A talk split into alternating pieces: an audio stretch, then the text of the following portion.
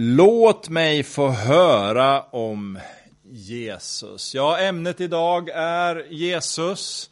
Jag satte rubriken Kungars kung över den här predikan.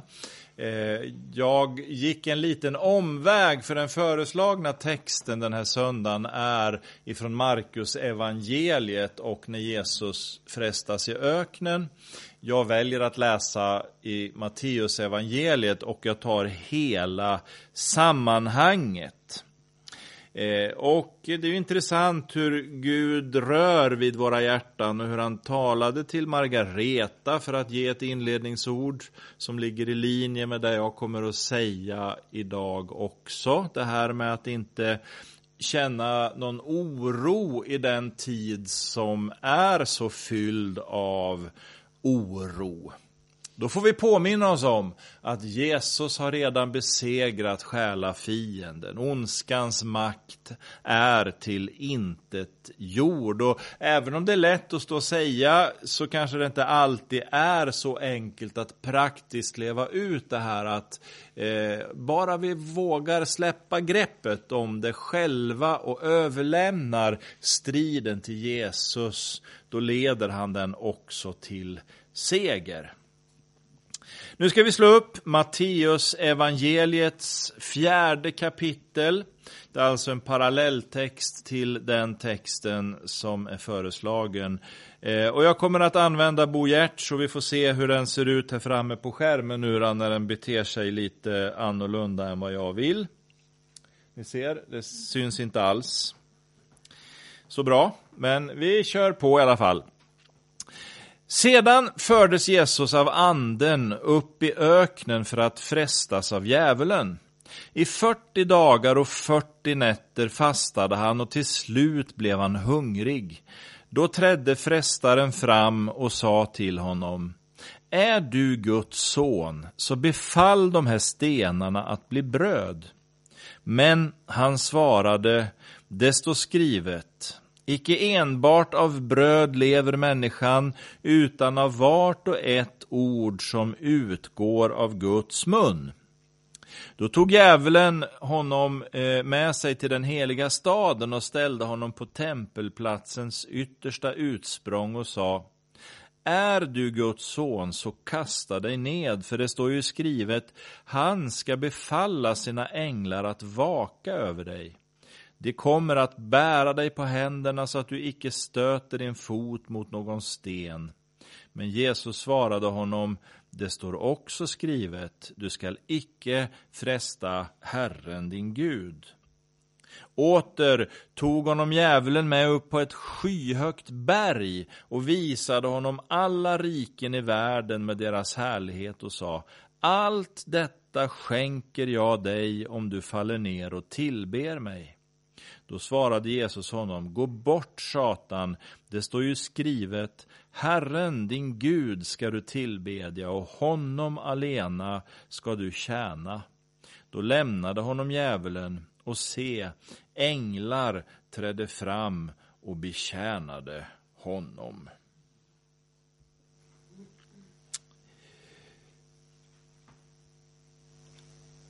Många gånger så tror jag att vi väldigt lätt begränsar tankarna kring Jesus seger. Att det var ju där på korset som han övervann själafienden. Och det är klart att ytterst var det ju där som Jesus kunde utbrista det fullbordat och när han gör det så rämnar ju också förlåten i templet och vägen till gemenskapen öppnas för oss alla. Men det där, det är fullbordat behöver vi ju se i ljuset av hela det liv som Jesus levde. Att han, Jesus, fullt ut på varje område levde precis så som Gud vill att vi människor ska leva våra liv. På ingen punkt kom Jesus till korta. Ingen frestelse blev honom övermäktig. På varje område besegrades själafienden och så manifesterades det att Gud är universums herre. Och tittar vi nu specifikt på frågan om frestelser så ser vi ju att vi oftast, om vi tittar på människorna, eh, på dig och mig, så blir vi ju oftast frestade i förhållande till person. På områden där vi tror att vi är starka, det är där vi behöver vara extra vaksamma. Vi behöver beskydda de områdena. Inte i egen kraft, utan i Guds kraft. Vi behöver vara vakna och observanta så att vi inte slår oss till ro med tanken att nu är det ju bra. Nu eh, löser det sig. Tron fungerar och är oåtkomlig för själafienden. För det är just då, i den stunden, som vi blir attackerade och mest åtkomliga.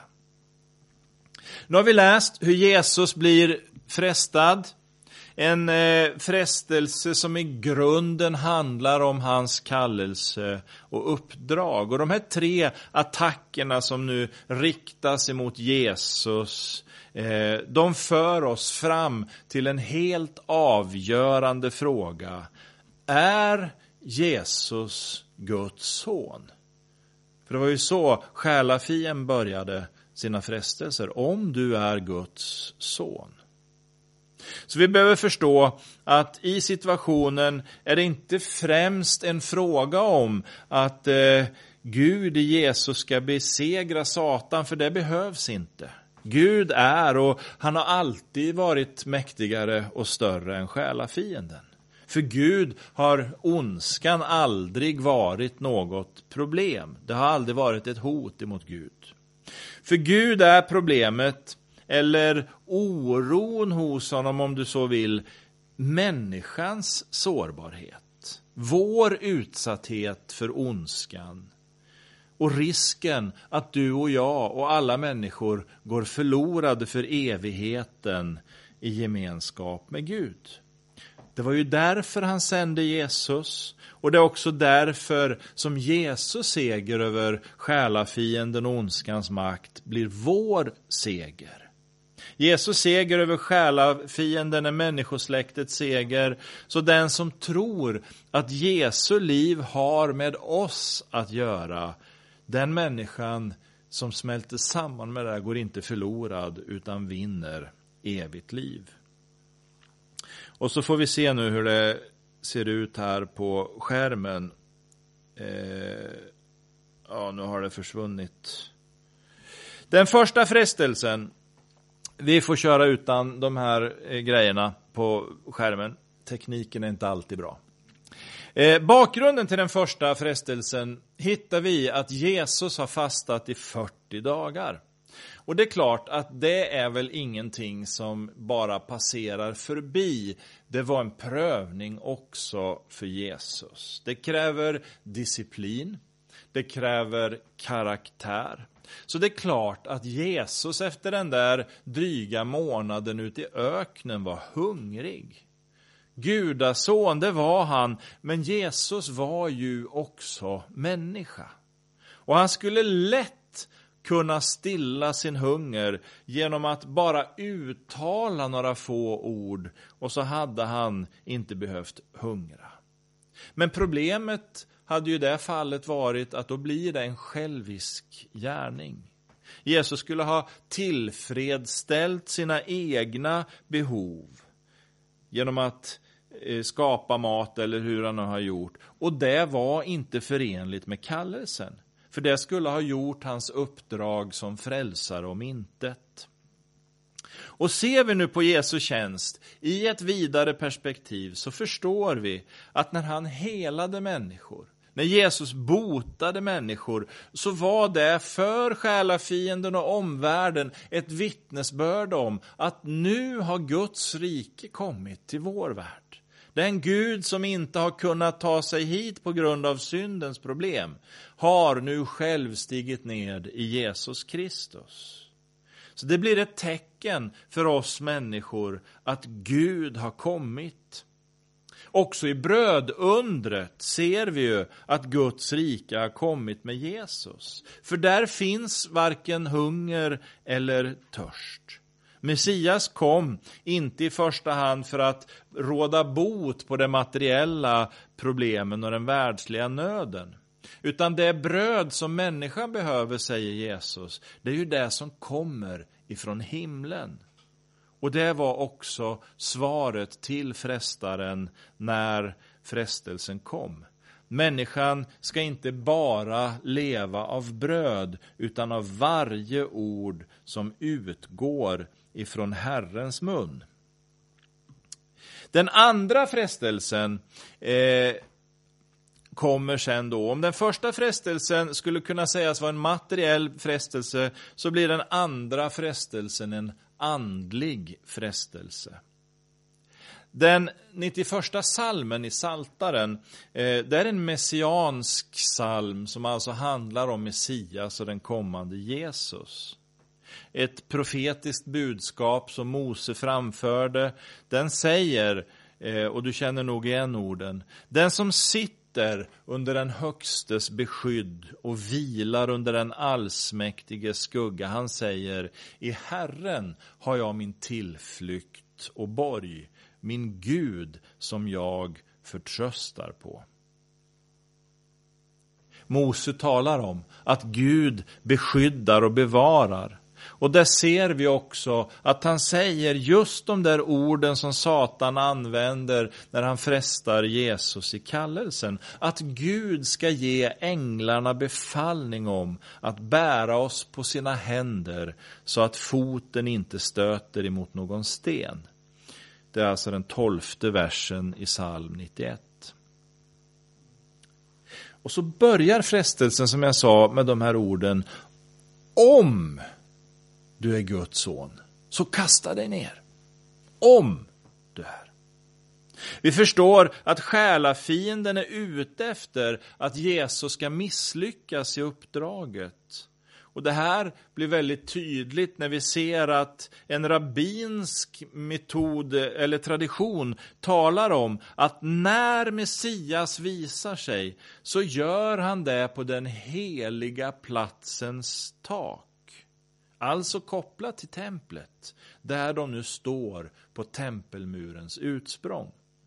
Det här var Jesus mycket väl medveten om Både att han är Messias, såväl som att han kände till den rabbinska traditionen. Och själafienden är ju också införstådd med det. Tro inte annat än att själafienden kan Bibeln mycket bättre än vad du och jag kan, fast han förstår den inte. Det är en annan sak. Men själafienden var införstådd med detta, så därför var han ju ute efter den här demonstrationen när han för Jesus upp till tempelmurens utsprång. En lömsk frestelse, där Jesus skulle kunna ha vittnat för de religiösa judarna att han är verkligen den Messias som de går och väntar på. Och de skulle absolut ha kommit till tro på honom. Svårare än så var det inte. Uppdraget skulle ha blivit löst. Jesus skulle ha sluppit ifrån många problem. Strider med fariseer och skriftlärda. Kanske att han rent av skulle ha sluppit korsfästelsen. Vi ska vara medvetna om nu att när själafienden inte kan hindra oss att följa Guds vilja, då gör han ju tvärtom. Han pushar på och han vill få oss att gå för långt. Därför blir överandlighet en frestelse hos många som till synes lever nära Gud i tro och lydnad. Och i det här fallet, när Jesus står där på tempelmurens utsprång, så kryddas det hela med ett bibelord för att verkligen ge sken av att det är någonting som det i grunden inte är. Problemet är bara att han rycker det här bibelcitatet ur sitt sammanhang. Han förvanskar det. Så Jesus kan enkelt avväpna honom genom att följa den här devisen, skrift ska med skrift förklaras. Hade Jesus utnyttjat sina möjligheter hade själafienden lyckats krossa Guds frälsningsplan. Hans tjänst hade blivit självisk och syndafallets problem hade ännu en gång triumferat över Guds vilja. Men Jesus, han står emot. Han föll inte för frestelsen att fresta Gud. Och för andra gången misslyckades själafienden med att ge eh, att få Jesus att gå emot Guds vilja. Och så kommer den tredje frestelsen till slut.